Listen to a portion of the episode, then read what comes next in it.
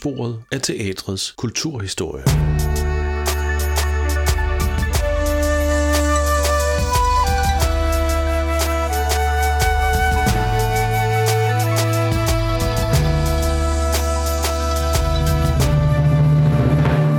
Bag scenen er en podcastserie med personlige historier, fortalt af mennesker, der lever og arbejder eller har arbejdet rundt om i teatrets krogede verden og oftest ude i kulisserne. Stemningsfulde historier, som ellers ikke ville blive fortalt, eller som med tiden vil forsvinde og blive glemt. Historierne fortælles af scenografer, instruktører, sceneteknikere, lydfolk, teatermalere, soufflører, skuespillere, teaterdirektører og andre. Det er personlige brudstykker af deres ofte kringlede og overraskende veje til teatret og om deres bidrag til den danske teaterkultur. Vi udsender en ny podcast hver måned. En podcast, en person, mange historier. I dag kan du møde Gregers Dirking Holmfeldt.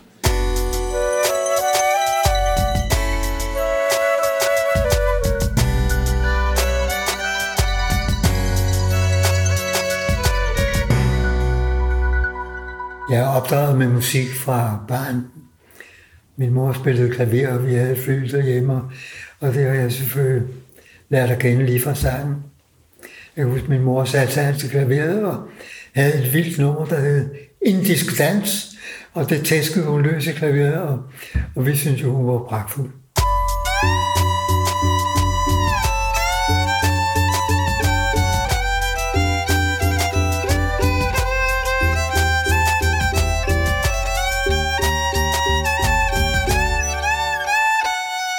Det hele startede med en indisk dans, men unoderne blev hurtigt rettet ind, da Greger som dreng var med i det danske drengekor. Han startede den dag tyskerne besatte København under 2. verdenskrig. Gregers er blevet 90, og stemmen har måske ikke så meget kraft, som den havde, da han var i drengekoret, men pointerne er stadig lige så slagfærdige, som de altid har været.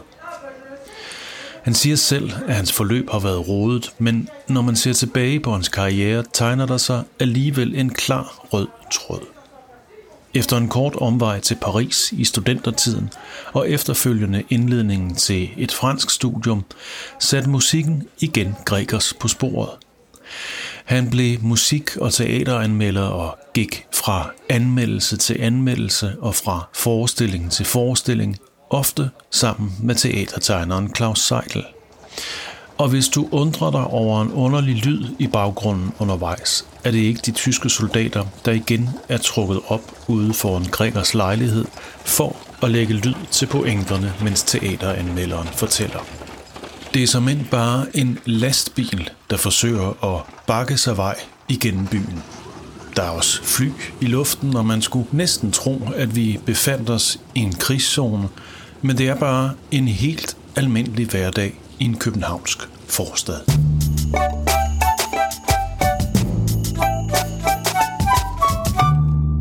Interessen for teateret, den stammer altså fra musik, fra opera primært. Og så er jeg jo som, som mange andre af mine gamle kolleger, sådan en, der et eller andet sted har startet med at tro, man skulle være skuespiller, at man skulle være et eller andet med det, der er interesseret i. Jeg har ligesom de fleste andre, jeg snakker med sikkert, hvis det er drenge, så har de været i Københavns Drengegård på et tidspunkt. Og jeg var der de der særlige år fra 1940, hvor jeg kom ind, og gik ud igen i 1945. Så det er præcis de fem krigsår, jeg har været i Drengegård. Så det har altså på en måde præget det meget. Fordi Københavns Ejengård havde jo to huse inde i centrum der nær ved Storkongensgade. Så altså, der færdes lidt af hvert tyske soldater og man. Jeg har sågar set et menneske øh, blive skudt på gaden fra en af vinduerne i skolen. Ja, det er jo ikke det, vi skal fordybe os i. Men det er klart, at det, der er min baggrund, det er opvækst i krigsårene, Københavns Drengård, Og som med, det, er ligesom, det har indebåret en masse øh, musikkundskab, korsang, arbejde med, desværre ikke så meget med den berømte skaber af Københavns Drengård, Måns Føldike, øh, fordi han forlod jo Danmark i 43 på grund af krigen, han var jøde. Øh, så det er nogle andre, jeg har haft mest. Men selvfølgelig kan jeg jo Føldike godt, for det var ham, der, der sammen med en anden var ude på den lille kommuneskole, hvor jeg gik, Vildsens skole, og høre på de drenge, der gerne ville videre med at gå på sangskolen. Og min mor sad der og holdt med i hånden. Øhm, og så sang man en eller anden lille sang, for da man gik i, det har været 1938, og så kom jeg ind i 40. Den 9. april 1940, der var jeg lige begyndt der. Jeg var begyndt 1. april, fordi skoleåret lå fra april til april i en årrække dengang. Det var ikke fra august til august. Det betød, at den 9. april, der havde jeg gået i skolen en uge, og var vant til fra på Østerbro, hvor man boede, og gå over til linje 9 og køre ind til centrum som en lille dreng. Ja, der, jeg har altså været 8 år, tror jeg. Og der blev vi smidt af nede ved Aarhusgade, øh, fordi øh, vognsyren sagde, at øh, han måtte ikke køre længere, fordi der var, der var uro inde i byen. Og det var fordi tyskerne var jo landet og, og var i fuld gang med at besætte byen. Så der er en, en meget tydelig erindring i mit hoved, og skulle gå hjem for et sted, som jeg ikke var vant til at stå af. Et område, jeg ikke kendte. Jeg måtte spørge mig vej hjem øh, til Hesseløgade, hvor vi boede dengang på Jagtvejen. Opråb til Danmarks soldater og Danmarks folk. Jeg gik til optagelsesprøve på Operaskolen i, nu kan jeg ikke engang huske året mere, men jeg tror, jeg har været 21 år. Og jeg kan huske, min sanglærer sagde, du, du er sindssyg, du skal ikke tro, du kan blive optaget på Operaskolen. Du synger meget godt, men altså, tag det nu roligt. Ikke? Men jeg fik til optagelsesprøve på Operaskolen, og husker det afsindigt tydeligt. Jeg husker alle detaljerne, hvordan jeg sang, hvad jeg sang. Jeg husker de andre, fordi man stod ved døren og hørte de andre prøve. Det foregik i Hornung Møllers sal inde i Bredgade, hvor Hornung Møller havde sit hovedkvarter. Den der oplevelse er jo præger en voldsomt, fordi man ved, hvad man gjorde, man husker, hvad man gjorde. Man ser ansigterne på, på de øh, folk, der sidder dernede. John Fransen, dirigent, flere andre, som sidder og lytter. John Fransen sad og læste avis, mens jeg sang. Så gør man jo det, og jeg gør i hvert fald det, er for at gøre indtryk på sådan en prøve, der vælger jeg jo nogle meget specielle ting, hvor man tænker, de dommer operfolk, der sidder der, de vil blive imponeret. Jeg valgte for eksempel David i Mestersangerne, som er lærerdrengen i Mestersangerne. Der har de der meget specielle scener, hvor han synger. Det er ret virtuose ting. Det kræver ret meget. Og så selvfølgelig kaster man sig med dødsfart ud i det.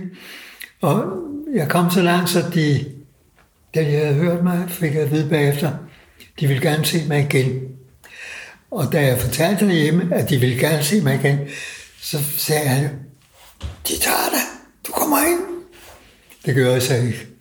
Fordi når man så kommer anden gang, så kan man ligesom mærke, at deres oplevelse der, nå, det var ikke mere. Nå, det var ikke andet end det. Altså, det ligesom, der afslører man så, hvor lidt man faktisk kan. Man tror, man typerer rakket ved første gang, anden gang, deroppe der opdager liv. Der er meget, der mangler der. Så det blev ikke til mere. Men altså, vi er jo, mange af os, vi er jo falderede kunstnere. Kistrup, han ville have været skuespiller, ikke? Altså alle har på et eller andet tidspunkt haft den ambition, ligesom, ligesom jeg har haft det. Og jeg levede faktisk af at synge igennem en årrække, fordi jeg selvfølgelig var kirkesanger i Brøndshøj Kirke, og havde masser af solisteoptræden.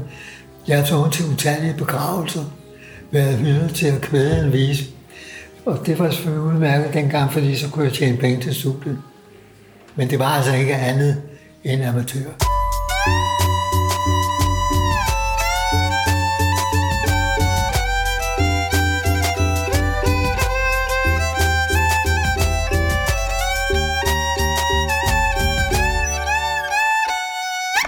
Grunden til, at jeg blev musikanmelder, det var nok, at øh, min første kone, som jeg gidsede med, hun var journalist ved bladet Dagens Nyheder. Der kom jeg så til at være bladets musikanmelder meget hurtigt efter, så skriver man nogle kronikker, nogle artikler, laver nogle ting, og så siger de, kan du ikke blive at være vores musikanmelder? Fordi deres daværende musikanmelder, han skulle til Amerika og studere øh, Schönberg. Han var ekspert i 12 musik. Jan Magård hed han, professor. Og jeg stiger på de der anmeldelser og læser dem, og tænker, åh kæft, det skulle da meget godt skrive. Men huskede det direkte overhovedet ikke. Det er, det er fremmede ting for mig. Der skal meget til, for at jeg ligesom kan sige, at det er sgu dejligt. Det var en sjov forestilling, det var en god forestilling, en god skuespiller. Og selvfølgelig er der ting, som dukker op hele tiden. Men altså, når man anmelder så meget, som jeg har gjort i, gennem de mange år, så går du fra anmeldelse til anmeldelse, fra teaterforskning til teaterforskning. Og en af de psykologiske pointer, det er at udradere det forrige, fordi du skal lige på hårdt på noget nyt. Og det, som var problemet også for tegneren, vi har begge to levet lige så længe med det fag på hver sin måde. Og har vendt os til at skrive meget hurtigt, tegne meget hurtigt, når vi kan komme ud fra en teaterforestilling, så sagde Claus altid, er det til i morgen? Som altid. Ja, det er til i morgen. Og en time efter jeg var kommet hjem, der lå hans tegning på skærmen. Og jeg var altså en time efter selv færdig med at skrive. Fordi man kom hjem, og man skrev som en rasen. Og lavede en masse fejl. Jeg har lavet mange fejl i mine anmeldelser. Det kan jeg se, når jeg læser dem nu, for jeg har ikke rettet dem siden. Fordi så kommer man på i avisen, og i avisen næste morgen, og der er ikke nogen mulighed for at lave om på noget. Derfor var man de skideballer, man får af nogen, og derfor var man roser nogen, fordi de synes, det er godt at få tingene frisk. Men det gik med stærkt mange gange, fordi der var afleveringsfrist klokken på dagens nyheder var der aflevering klokken halv tolv, som det absolut seneste. Og en teaterforestilling, som slutter kl. 10 11. Der er ikke meget tid til at tænke sig om. Så man tager nogle notater undervejs og går hjem og skriver meget hurtigt. Og det var sådan en vane også for ham at, at tegne meget hurtigt. Jeg skrev meget hurtigt. Og sådan er vi fortsat også efter vores bladtid. Fordi da jeg holdt op med at skrive til en avis, det var ekstrabladet, jeg har været ved Ekstrabladet i to gange 11 år. Og anden gang, der fortsatte jeg så, fordi Bigruppenfonden har betalt mig og de andre medlemmer af Rømmerjurien til at rejse rundt og gå i teateret. Jeg har været der i 22 år i Rømmerjurien, og det betyder, at øh, jeg der har selvfølgelig haft mere tid til at skrive. Det har ikke hastet på den samme måde. Men altså vanen med at skrive hurtigt, den er blevet ved. Altså, jeg er blevet ved med at styre det hjem, skrive min rasende fart og blive færdig. Og en let om at gå i seng og sove. Det er godt og ondt. Jeg kan mærke det nu, hvor jeg også har holdt op i rømmerdjorden, at når jeg er til at have skrevet nogle ting, så kan jeg næsten ikke blive færdig. Der bliver alt for god tid. Fornøjelsen ved at ligesom være pisket til at skrive meget hurtigt, det er en fornøjelse. Det er lækkert at mærke det der drøm, der skal på. Og jeg kan se det på anmeldelserne, når jeg læser dem i dag. Det, hvor jeg har haft mest travlt, der er det bedste. Det er der sproget udfolder sig på den bedste måde. Og det med det sproglige, det synes jeg har været en utrolig afgørende ting i kvaliteten i at skrive anmeldelse. Jeg ved fra skolesiden, da man skrev stile, det var en af de ting, som jeg havde det godt med og som lykkedes meget godt mange gange. Altså danske stile, simpelthen. Og jeg ved ikke, hvad jeg fik af karakterer for at skrive danske stile, men altså, jeg havde det godt med det, og det var det vigtigste. Og det er den der fornemmelse af at arbejde med sproget, øh, som også i de mange år, der er gået, har været den store, store bestræbelse og den store fornøjelse at bruge sproget på en god måde og en elegant måde, hvis man nu kan finde elegancen frem.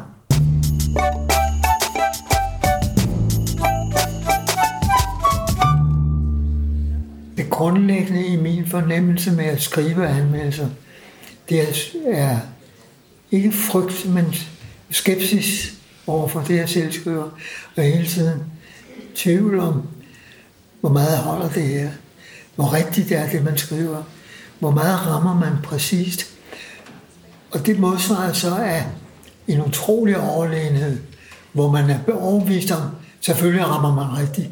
Og man udad til over for alle andre anmelder, over for alle musikere, alle teaterkunstnere, alle skuespillere, man rammer i, der er man fuldstændig skråsikker og overbevist om, at øh, man ved, hvad man skriver, man ved, hvad man gør, men det er det rigtige, der er stået i avisen.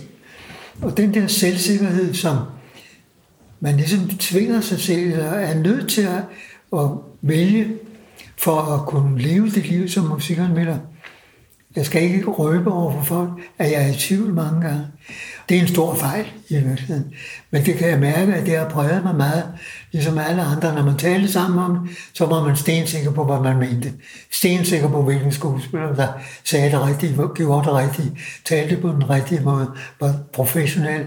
Det er sådan en modstilling mellem ens egen skepsis og tvivl, og så det, man pålægger sig selv og overbevise sig selv om, at det er rigtigt, det man gør. Jeg synes alt, hvad der skrives af anmeldelser, og jeg har selvfølgelig diskuteret det også nogle gange senere med andre, også undervejs, at når man sådan er, er åben over for dem, som er lige så åbne, hvor man blotlægger, hvad der egentlig foregår i en, mens man skriver, og mens man oplever teater, der har man stærkere oplevelser. Men det er stærke oplevelser, der tit bringer en i tvivl. Ligesom skuespillere er i tvivl. Og jeg kan huske en forestilling som Johan Louise Schmidt, som er en fabelagtig skuespiller, jeg kender den godt, end den højre røde.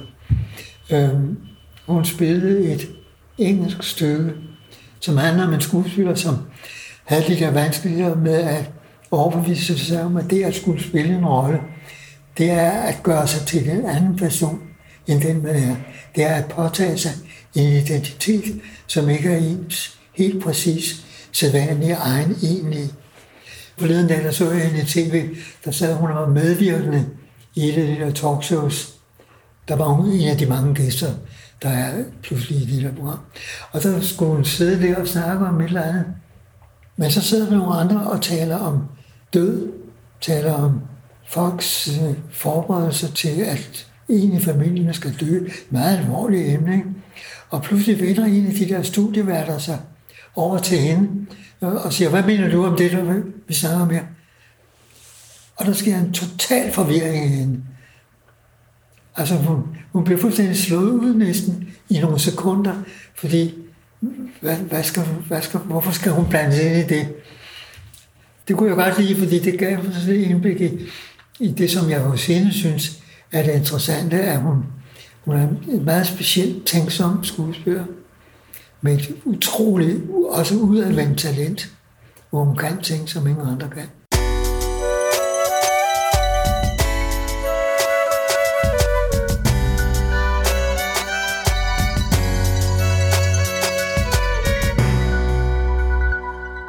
Altså dem, som er naturtalenter som skuespillere bliver brugt af teaterne, fordi de er naturtalenter. Altså, du skal sige, Jens Ocken, Gita Nørby til en vis grad også. Altså, den måde, de er skuespillere på, den bunder voldsomt meget i deres natur, deres måde at være på i øvrigt, også privat, også når du er sammen med dem i andre sammenhæng, så ved du præcis, hvordan de er. Jeg ved præcis, hvordan Gita Nørby er. Aldrig i tvivl.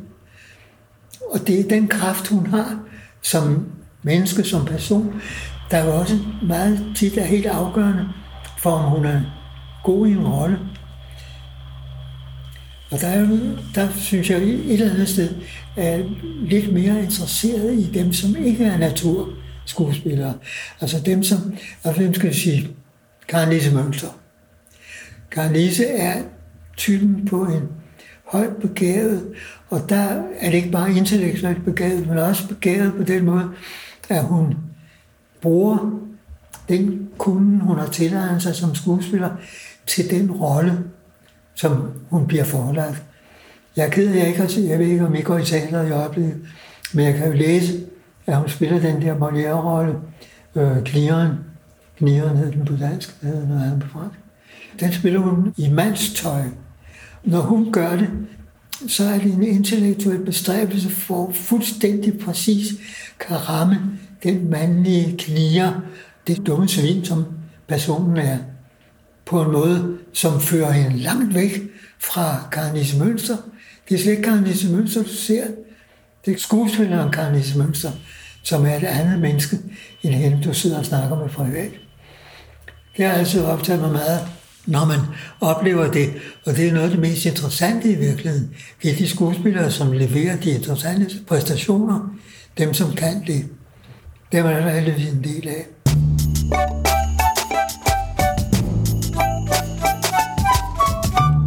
Halvdelen af alle de anmeldelser, jeg har skrevet, de ligger på nettet. Men den første halvdel ligger kun i Ekstrabladet. Fordi jeg begyndte først at skrive på nettet i 2007. Alt det, der ligger forud, det har jeg kun på tryk. Jeg har mappe på mappe stående med, min, med gamle journalistik fra 1956, tror jeg, det første er fra. Det allerførste fandt jeg også forleden. Det er ikke en anmeldelse, det er et interview med Bonner Sønberg. Havde hovedroller i operan, sopranroller. Og der er jeg som 20-årig ude og har fundet frem til hende. En ung som skal til at debutere. Og så opsøger jeg hende hjemme. Hun boede et eller andet sted i Vandløse, hvor det var et mærkeligt sted. Og så kommer jeg op ad trappen med sådan en opgang, ligesom her. Og så hører jeg fra en etage højere op en fuldstændig eventyrlig sopranstemme. En frisk, lys, høj sopran. Og det var så en, som jeg skulle interviewe. Ikke? Det blev hængende i mit øre. Så følger man hende med interesse, når hun dukker op på det kongelige teater og får hovedroller. Jeg tror, hver gang jeg tænker på hende, det er når hende, der er politirapporter og hedder Sønberg til efternavn. Fantastisk god politirapporter. Jeg tænker, kan hun synge også?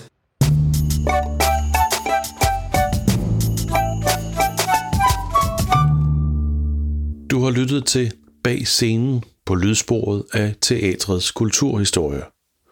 Du har været i selskab med Gregers Dirking Holmfeldt.